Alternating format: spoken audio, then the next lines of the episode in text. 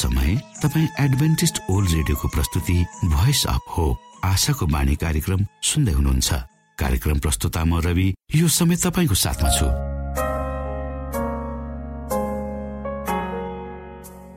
भनिएको छ पापको कारण मानिसका हृदय जन्मेदेखि दुष्टतातर्फ ढल्किएको हुन्छ। आफ्नै स्वरूपमा परमेश्वरले सृजना गर्नु भएको मानिसलाई आफ्नै उद्देश्यमा रूपान्तरण गर्ने र ख्रिस्टको चरित्रमा प्रतिस्थापन गर्ने परमेश्वरको चाहना छ। यो सब हाम्रो भलाइको लागि गरिएका योजनाहरू हुन्। श्रोता के तपाईँ यो भलाइको कार्यक्रममा परमेश्वरलाई सघाउन चाहनुहुन्छ? प्रभु यशु क्रिस्ट हृदयको ढोकामा उभिएर ढकढक्याउँदै हुनुहुन्छ। उहाँ तपाईँमा भएर तपाईँको जीवनलाई राम्रोतिर असलतिर ढल्काउन चाहनुहुन्छ बदल्न चाहनुहुन्छ। आशाको बाणी कार्यक्रमलाई नियमित सुनेर परमेश्वरको चाहनाको महत्वलाई बुझेर बाँच्नुको महत्वलाई यहाँले बुझ्नु सक्नुहुनेछ भनेर हामी विश्वस्त छौ। आउनुहोस् फेरि तपाईँलाई न्यानो स्वागत गर्दै हाम्रो कार्यक्रमलाई सुनिदिनु हुन अनुरोध गर्दै मिठो भजन यहाँ सामु राख्दैछु।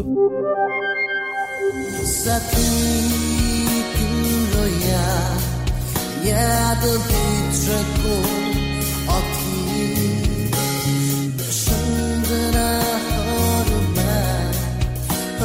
people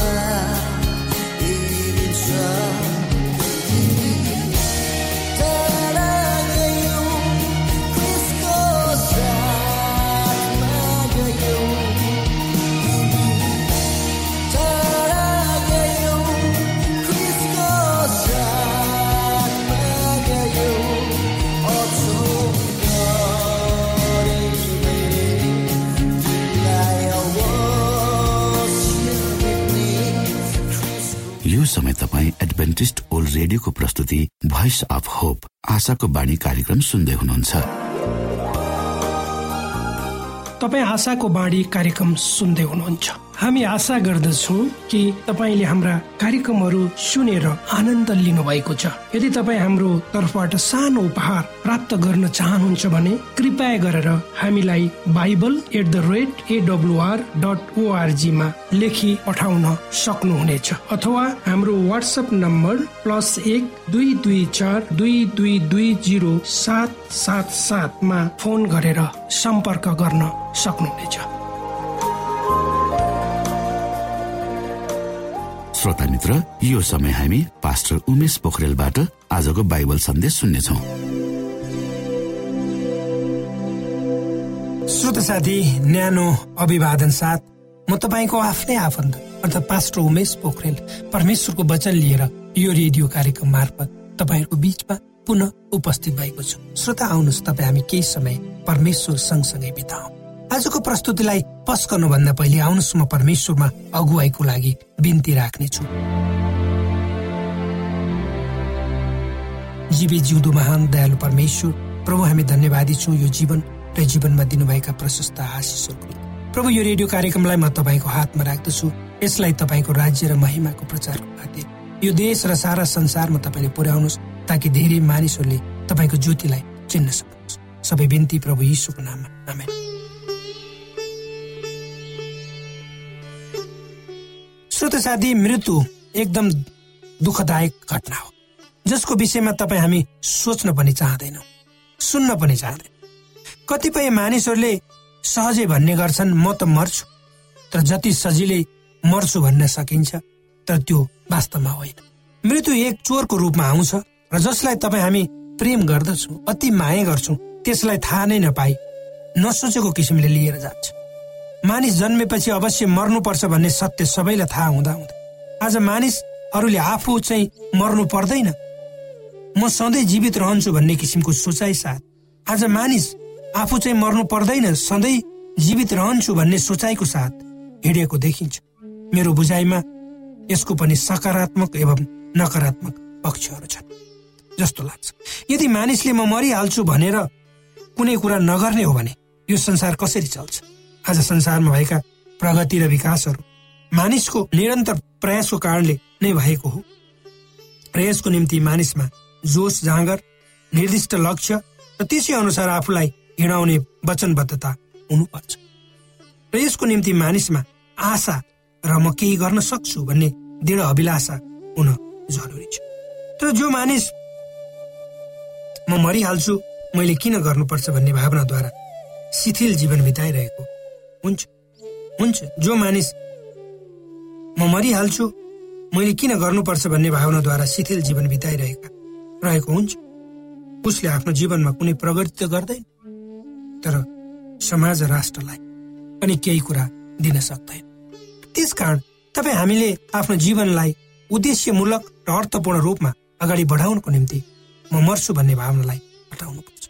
ताकि तपाईँ जे गर्नुहुन्छ त्यसले तपाईँको जीवनको प्रस्फुटीकरण हुन्छ र अर्कोतर्फ जब मानिस म एक दिन मर्छु भन्ने चेतना मानिसमा हुन्छ त्यसले उसलाई आफ्नो जीवन उद्देश्यमूलक एवं अनुशासित रूपमा जिउने प्रेरणा दिन्छ भने उसलाई अरूलाई पनि बचाउनु पर्छ भन्ने भावनाले डोर्याउँछ र खराब नराम्रा विचार क्षणिक स्वार्थ जस्ता आत्मकेन्द्रित कुराहरूबाट माथि उठ्छ। त्यसैले हाम्रो समाज आजसम्म चलिरहेको छ। सबैलाई एक अर्काको सहयोगको आवश्यकता पर्छ। संसारमा रहने कुनै पनि मानिस आफू आफैमा एक्लै बाँच्न सक्दैन। श्रोत साथी हामी मर्छौँ त्यसमा दुई मत छ तर जति यो संसारमा जिउँछौँ हामी जीवित भएर जिउनु पर्छ ताकि हाम्रो जियाईले हाम्रो घर परिवार समाज राष्ट्रलाई सहयोग गर्न सकोस्। र जब हामी यो संसारबाट विदा हुन्छौँ हामीले बाँच्दा गरेका कामहरूको सम्झना मानिसहरूले गरून् र मानिसहरूले हामीलाई सम्झिला यो संसारमा जिउँदाखेरि संसारमा भएका सबै कुराहरू अस्थायी र यिनीहरूमा हामीले आफूलाई टाँसिराख्नु हुँदैन। एक दिन यी सबै कुराहरूलाई छोडेर जानुपर्छ भन्ने आत्मज्ञानद्वारा हामी निर्देशित भयौँ भने हाम्रो जीवन सन्तुलित रूपमा चल्छ। अर्थात् हामीले आफ्नो जीवनलाई सन्तुलित रूपमा चलाउनु पर्छ हामी मर्छौँ त्यो थाहा छ। त्यो कुरालाई जान्दा जान्दै जब जति बेलासम्म हामी जिउँछौँ त्यति बेलासम्म हामी जीवित भएर जिउनु पर्छ मरेको जियाईले वा मरेको जियाईको कुनै अर्थ हुँदैन सुक्दा हामी जवान हुँदै देखि मृत्युको विषयमा विभिन्न किसिमले म पनि सोध्छु। मानिस जवान हुँदादेखि नै मृत्युको विषयमा विभिन्न किसिमले सोच्ने गर्छ हामीहरू जीवनको यात्रामा थकित हुन्छौँ भोकाउँछौँ। कहिलेकाहीँ बिमारी पनि हुन्छौँ। हामी संसारका अब धेरै ज्ञानहरू जान्नको निम्ति सङ्घर्ष गर्छौँ। विज्ञान र गणित सिक्नको लागि मेहनत गर्छौँ। रात दिन हामी पढ्छौँ। जब आफूले आफूलाई हेर्छौँ तब आफूमा भएको अपूर्णता हामी देख्छौँ। र त्यसबाट आफूलाई परिवर्तन गर्न वा सुधार्ने प्रयत्न गर्छौँ। तर हामी केही समयपछि ती कुराहरू बिर्सन्छौँ वा गर्दैनौँ। हामीले जे गर्न चाहन्छौँ त्यसको कडा मिहिनेत र परिश्रम गर्नुपर्छ भन्ने कुरा बिर्सन्छौँ कहिलेकाहीँ हामी अति खुसी हुन्छौँ र कहिले हताश निराश पनि हुन्छौँ। तर जसो तसो दिनहरू बित्दै जान्छन् यी सबै कुराहरूले हामीलाई मृत्युको बाटोतिर झार्दै जान्छ।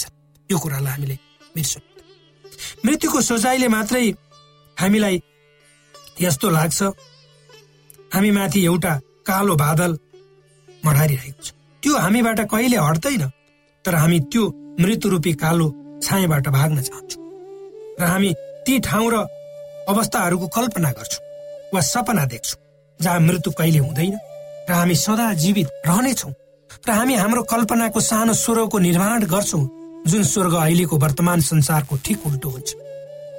अहिलेको वर्तमान संसार जहाँ दुःख कष्ट रोग व्याध झै झगडा रिस इक अनि धेरै धेरै नराम्रा कुराहरू अनि मृत्यु तर हामीले कल्पना गरेको स्वर्ग वा संसार अर्कै हुन्छ जहाँ न त कुनै वर्ग समूह वा वाद विवाद न रोग व्याध न मृत्यु नै हुन्छ। त्यहाँ त परमेश्वरको शान्ति र आनन्द मात्र पाइन्छ। त्यसपछि ती साना स्वर्गहरूद्वारा हामी आफूले आफूलाई सान्त्वना दिन्छौँ र अरूसँग बाँड्छौँ र अरूलाई पनि ढाडस दिन्छौँ। यही नै एउटा जीवन हो श्रोता यही नै एउटा श्रोत साथी प्रभु येसुले तपाईँ र मलाई जो यो संसारबाट अघाएका छौँ संसारबाट थिचिएका पिसिएका छौँ कष्टमा परेर त्यसबाट उम्कन चाहन्छु। सबैलाई वास्तविक स्वरको प्रतिज्ञा गर्नुभएको छ। के तपाईँ त्यो अवसरलाई पक्रिन चाहनुहुन्न? र वा के तपाईँ उम्कन चाहनुहुन्न यो सांसारिक दुःख र कष्टबाट?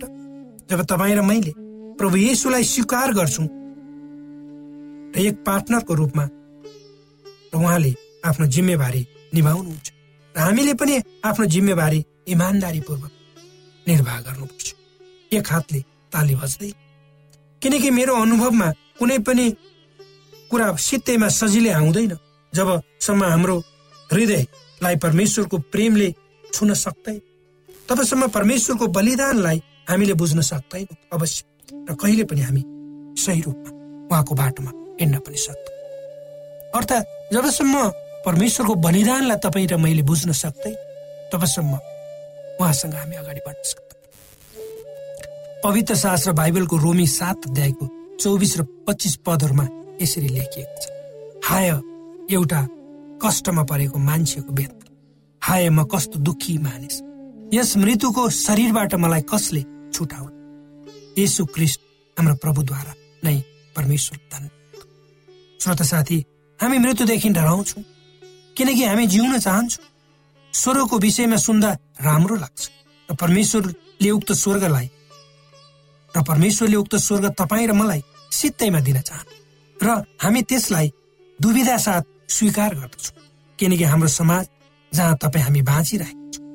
कुनै पनि कुरा सित्तैमा पाइँदैन र मानिसले सित्तैमा दिने कुरा लिन हतपत पनि चाहँदैन। किनकि उसलाई लाग्छ यदि त्यसो गर्यो भने ऊ सानो हुन्छ। अरूभन्दा। वा मान्छे प्रतिस्पर्धामा आफूसँग नभए पनि देखावटीमा अगाडि बढ्न आडम्बरमा अगाडि बढ्न चाहन्छ। हाम्रो बुझाइ अनुसार गरिब कमजोर र कुनै पनि सहारा बिनाको मानिसले मात्र सित्तेका कुरा स्वीकार गर्दछ। यद्यपि मानिसले सधैँ सबै कुरा सित्तैमा पाउँदैन त जुन कुरा पाउँछ त्यसलाई पनि स्वीकार गर्दैन। त्यसलाई घमण्ड भनेर हामीले बुझ्न सक्छौँ। हामी त्यसलाई मानिसको हैसियत भनी बुझ्न सक्छौँ। हामी त्यसलाई आत्मसम्मान भनेर पनि बुझ्न सक्छौँ। परमेश्वरले धेरै अप्ठ्यारा परिस्थितिहरू बिच मानिसहरूमा काम गर्नु छ। किनकि पापले घाँसेका मानिसहरूलाई सम्झाउन धेरै समय र संयमताको आवश्यकता पर्छ। त्यति हुँदाहुँदै पनि हामी परमेश्वरको प्रेमलाई धैर्यतालाई बुझ्न सक्दैनौँ। परमेश्वरले आफूलाई इसरायलीहरूको सन्तानहरूको अगाडि देखाउनु भयो उहाँ आफू को हुँ भनी बुझाउनु भयो ताकि उनीहरूले उहाँलाई चिन्न र बुझ्न सकुन् र उहाँले उनीहरूसँग करार बाँध्नु। र आफूले गरेका प्रतिज्ञाहरू पूरा गर्ने कुरामा उनीहरू वचनबद्ध भए तर आफ्नो वचनबद्धतामा उनीहरू खडा भएन। तब परमेश्वरले नयाँ करार उनीहरूसँग बाँध्नुभयो र त्यसमा उहाँले दुवै पक्षको दायित्व बराबर राखिदिनु। जुन कुरा पवित्र धर्मशास्त्र बाइबलको यर्मिया भन्ने पुस्तकको एकतिस अध्यायको एकतिसदेखि तेत्तिस पदमा यसरी लेखिएको छ अनुसार परमप्रभु भन्नुहुन्छ ती दिन आउनेछन् जब इसरायलको घरानासँग र यहुदाको घरानासँग म एउटा नयाँ करार स्थापना गर्नेछु। तिनीहरूका पुर्खाहरूसँग मैले बाँधेको करार जस्तै त्यो हुने छैन। जब भोलि जब मैले तिनीहरूलाई हातमा समातेर मिश्र देशबाट डोहोऱ्याएर ल्याएको थिएँ परमप्रभु भन्नुहुन्छ तिनीहरूले मेरा करार भङ्ग गरे। यद्यपि म तिमी तिनीहरूका पिता थिए। तर यो पनि हामीले मन पराएनौँ। किन किनभने हामीले त्यो प्राप्त गर्न सकेनौँ। र हामी अब परमेश्वरसँग टेबलमा आम्ने सामने बसेर आफ्ना आवश्यकताहरूलाई राख्न चाहन्छौँ। हामी जीवन किन्नेछौँ। हामी कुनै कुरा सित्तैमा लिन छैनौँ र कसैले पनि सित्तैमा केही कुरा दिँदैन। तर परमेश्वर भन्नुहुन्छ तिमी आफू केही गर्न सक्दैनौ र विश्वासद्वारा जिउ। म माथि भर पर। तिमीले मैले तिम्रो लागि कति ठुलो बलिदान दिए भन्ने कुरा बुझ्नु बुझ्न पनि सुरु गरेका छैन। जुन बलिदान तिम्रो खातिर मैले दिएँ त्यसले तिमीलाई अनन्त जीवन दिनेछ। तर त्यो बुझ्न तिमीलाई समय लाग्छ। र यसलाई प्राप्त गर्न गर्ने बाटो भनेको त्यसलाई स्वीकार गर्नु नै तर अहिले तिम्रो दिमागले यो कुरा बुझ्न सक्दैन। किनकि तिमीलाई सपोर्टको माध्यमद्वारा बचाइएको छ। Life support. कृत्रिम सास दिएर तिमीलाई बचाइएको छ। र त्यो उक्त लाइफ सपोर्टको सिस्टम भनेको परमेश्वरको सिस्टम वा परमेश्वर हुनुहुन्छ। तपाईँ र मैले आफ्नो जीवनमा केही पनि गर्न सक्दैन। प्रभु यी सुभाए स्वत साथी हामीलाई लाग्दछ हामी आफ्नो जीवनको मालिक आफै हो भनेर। कतिपय समयमा यो सोचाइ ठिकै पनि हुन सक्छ। तर यसो तपाईँले गम गरेर सोच्नुभयो भने यदि परमेश्वरको इच्छा भएन भने तपाईँ हामी एक निमेष पनि यो संसार बाँच्न सक्दैन। परमेश्वरले यी वचनहरू तपाईँलाई परमेश्वर को हुनुहुन्छ भन्ने कुरो चिन्नको लागि अगुवाई गर्नुहोस्।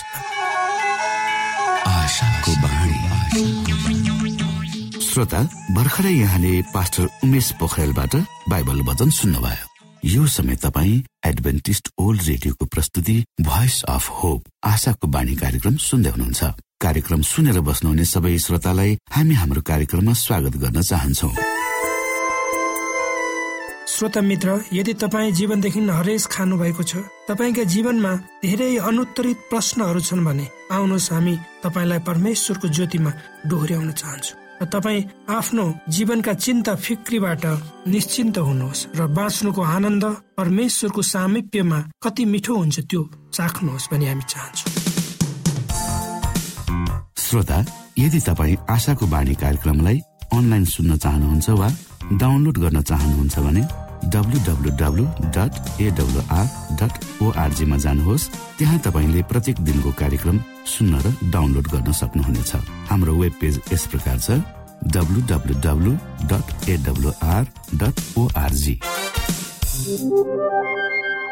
श्रोता यदि तपाईँ हामीसित सिधै फोनमा सम्पर्क गर्न चाहनुहुन्छ भने हाम्रा नम्बरहरू यस प्रकार छन्। अन्ठानब्बे एकसाठी पचपन्न शून्य एक सय बिस। अन्ठानब्बे एकसाठी पचपन्न शून्य एक सय बिस। र अर्को अन्ठानब्बे अठार त्रिपन्न पन्चानब्बे पचपन्न। अन्ठानब्बे अठार त्रिपन्न पन्चानब्बे पचपन्न।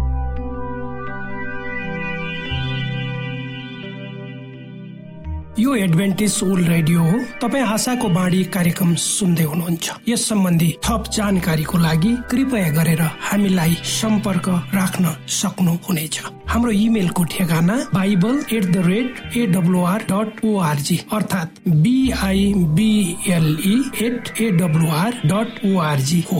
तपाईँ हामीलाई हाम्रो वाट्सएप नम्बर प्लस एक दुई दुई चार दुई दुई दुई जिरो सात सात सातमा पनि कल गरेर सम्पर्क राख्न सक्नुहुनेछ। अर्थात् प्लस एक दुई दुई चार दुई दुई दुई जिरो सात सात सात। यो आशाको बाणी रेडियो कार्यक्रम हो। म धनलाल राई यहाँहरूलाई यस कार्यक्रममा न्यानो स्वागत गर्दछु। आज म तपाईँको बीचमा बाइबल सन्देश लिएर आएको छु। आजको बाइबल सन्देशको शीर्षक रहेको छ अनन्तको सुसमाचार।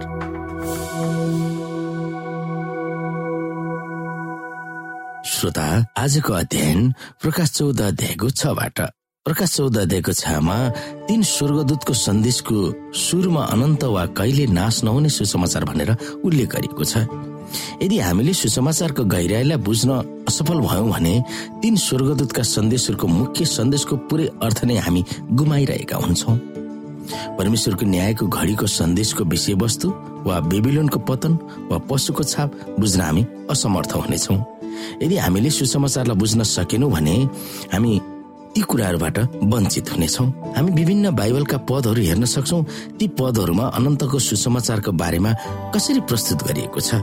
तिनीहरूमा हामीलाई कस्तो महान आशा प्रस्तुत गरिएको छ? आउनु श्रोता हामी यहाँनिर एक कुरन्थी पन्ध्र अध्यायलाई हेरौँ। भाइ हो मैले तिमीहरूलाई प्रचार गरेको सुसमाचार म तिमीहरूलाई याद दिलाउन चाहन्छु। जुन सुसमाचार तिमीहरूले ग्रहण गर्यौ र जसमा तिमीहरू स्थिर रहन्छौ यस सुसमाचारद्वारा तिमीहरूको उद्धार भएको छ।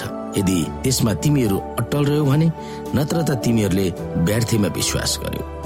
किनभने मैले जे पाएँ यसैलाई सबैभन्दा मुख्य विषयको रूपमा तिमीहरूलाई सुम्पिदिए। अर्थात् पवित्र धर्मशास्त्र अनुसार ख्रिस हाम्रा पापका निम्ति मर्नुभयो। उहाँ गाडिनु भयो र पवित्र धर्मशास्त्र अनुसार तेस्रो दिनमा उहाँ पुनर्जीवित पारिनु भयो उहाँ केपास कहाँ अनि बाह्रैजना चेला कहाँ देखा पर्नुभयो? त्यसपछि उहाँकै समयमा पाँच सय भन्दा बढी भाइहरू कहाँ एकसाथ देखा पर्नुभयो। जसमध्ये धेरै जसो अहिलेसम्म छँदैछन् तर कोही कोही सुतिसकेका छन् भनेर पावलले भन्दछन् त्यतिखेरको समयमा। त्यसपछि याकुब र सबै प्रेरितहरू कहाँ उहाँ देखा पर्नुभयो। सबैभन्दा अन्त्यको समयमा जन्मेको मानिस कहाँ जस्तो म कहाँ पनि उहाँ देखा पर्नुभयो भनेर पावलले भन्दछन् यहाँनिर। किनकि सबैले पाप गरेका छन् र परमेश्वरको महिमासम्म पुग्नबाट चुकेका छन्। परमेश्वरको अनुग्रहको वरदानले ख्रिसेसुमा भएको उद्धारबाट तिनीहरू सित्तैमा धर्मी ठहरिएका छन्। परमेश्वरले ख्रिस्टलाई उहाँको रगतद्वारा प्रायश्चितको बलिदान स्वरूप प्रस्तुत गर्नुभयो जुन प्रायश्चित विश्वासद्वारा ग्रहण गर्नुपर्दछ। यो काम परमेश्वरले आफ्नो धार्मिकता देखाउनलाई गर्नुभयो किनभने उहाँको ईश्वरीय धैर्यमा अगाडिका पापहरूलाई उहाँले वास्ता गर्नुभएको थिएन। परमेश्वर आफै धर्मी हुनुहुन्छ र यसोमा विश्वास राख्नेहरूलाई उहाँले धर्मी ठहराउनुहुन्छ भन्ने कुरा प्रमाण गर्नलाई उहाँले वर्तमान समयमा यो गर्नुभयो भनेर रोमी तीन अध्यायले हामीलाई भन्दछ। यसै गरी रोमी पाँच अध्यायको छदेखि आठमा हेर्न सक्छौ किनकि हामी दुर्बल हुँदा नै ख्रिस्ट अधर्मीहरूका निम्ति ठिक समयमा मर्नुभयो। धार्मिक मानिसको निम्ति मर्न तयार हुने कोही बिराले पाइएला कतै असल मानिसको निम्ति कसैले मर्ने आँट पनि गरिहाल्ला तर परमेश्वरले हाम्रो निम्ति उहाँको प्रेम यसैमा देखाउनुहुन्छ कि हामी पापी छँदै ख्रिस हाम्रो निम्ति मर्नुभयो भनेर।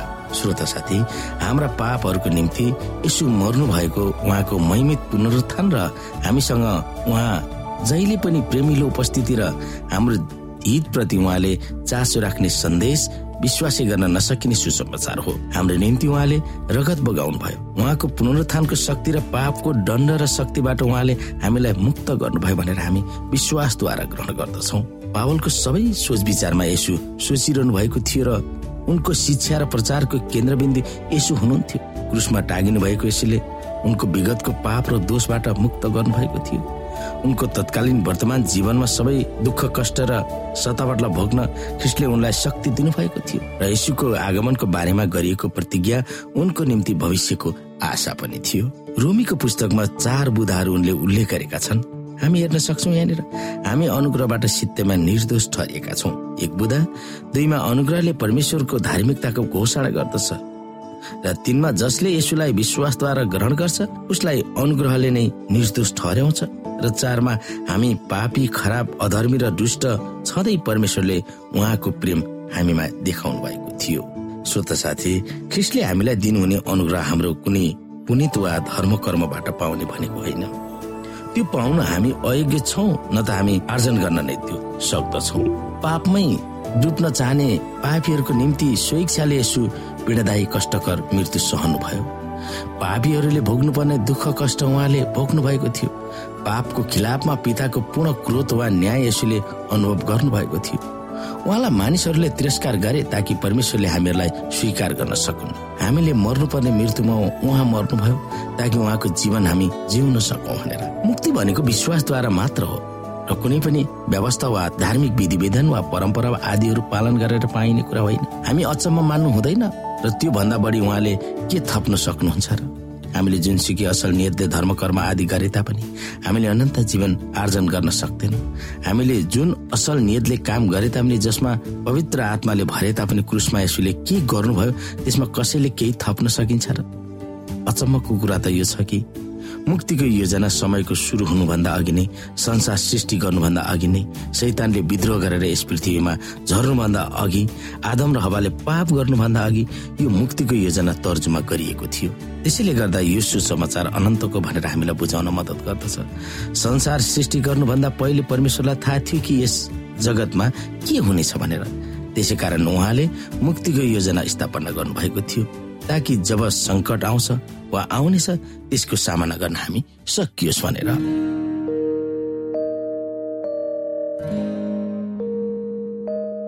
आदरणीय मित्र बाइबलले बताएको छ परमेश्वरले तिर्खाकाहरूलाई तृप्त पार्नुहुन्छ र भोकालाई उत्तम पदार्थले सन्तुष्ट पार्नुहुन्छ। हामीलाई दिइएको यो छोटो समय आशाको बाणीको प्रस्तुतिको समयमा हामीले हाम्रा श्रोताको आत्मिक भोकलाई केही मात्रामा भए तापनि सही प्रकारको खोराक पस्केर आत्मिक सन्तुष्टि दिन सकेका छौँ केही ऊर्जा थप्न सकेका छौँ भनेर हामीले आशा राखेका छौँ। आफ्ना मनमा भएका केही दुविधा र शङ्काहरू छन् भने अवश्य हामीसँग बाँडेर शङ्काको निवारण गर्नुहुनेछ र सही प्रकारको बाटो पहिल्याउन सक्नुहुनेछ परमेश्वरको सच्चाइले अझ राम्रो बुझ्न सक्नुहुनेछ र आफ्नो जीवनलाई परमेश्वरमा पूर्ण समर्पित भएर समर्पण सहितको जीवन बिताउन सक्नुहुनेछ भनेर आशा राख्दै अब हामी हाम्रो कार्यक्रम सकिएको जानकारी यहाँलाई गराउन चाहन्छौ। जानुभन्दा अगाडि श्रोता हामी यहाँलाई हाम्रो ठेगानाको विषयमा जानकारी गरौं। हामीसँग पत्राचार गर्ने हाम्रो ठेगाना यस प्रकार छ। आशाको बाणी पोस्ट बक्स नम्बर दुई शून्य शून्य शून्य दुई काठमाडौँ नेपाल। आशाको बाणी पोस्ट बक्स नम्बर दुई शून्य शून्य शून्य दुई काठमाडौँ नेपाल। यसै गरी श्रोता यदि तपाईँ हामीसँग सिधै कुराकानी गर्न चाहनुहुन्छ भने हाम्रो फोन नम्बर यस प्रकार छ अन्ठानब्बे एकसाठी पचपन्न शून्य एक सय बिस। अन्ठानब्बे एकसाठी पचपन्न शून्य एक सय बिस। र अर्को अन्ठानब्बे अठार त्रिपन्न पन्चानब्बे पचपन्न। अन्ठानब्बे अठार त्रिपन्न पन्चानब्बे पचपन्न। हामीलाई इमेल पनि गर्न सक्नुहुन्छ। हाम्रो इमेल एड्रेस यस प्रकार छ Nepal at AWR dot ORG Nepal at AWR dot ORG यदि तपाईँ हामीलाई अनलाइन सुन्न चाहनुहुन्छ वा डाउनलोड गर्न चाहनुहुन्छ भने तपाईँ W W W dot AWR dot ओआरजीमा जानुहोस् र त्यहाँ तपाईँले हाम्रा सबै कार्यक्रमहरू सुन्न सक्नुहुनेछ। हाम्रो वेब पेज यस प्रकार छ डब्लु श्रोता यसमा गएर तपाईँले हाम्रा दैनिक कार्यक्रमलाई सुन्न सक्नुहुनेछ र डाउनलोड पनि गर्न सक्नुहुनेछ। हवस् त श्रोता हाम्रो कार्यक्रम सुनिदिनु भएकोमा एकचोटि फेरि यहाँलाई धन्यवाद दिँदै भोलि फेरि यही स्टेशन यही समयमा यहाँसँग भेट्ने आशा राख्दै प्राविधिक साथी राजेश पास्टर उमेश पोखरेल र कार्यक्रम प्रस्तुता म रवि यहाँसँग विदा माग्दछौ। परमेश्वरले तपाईँलाई धेरै धेरै आशिष दिनुभएको होस्। नमस्कार।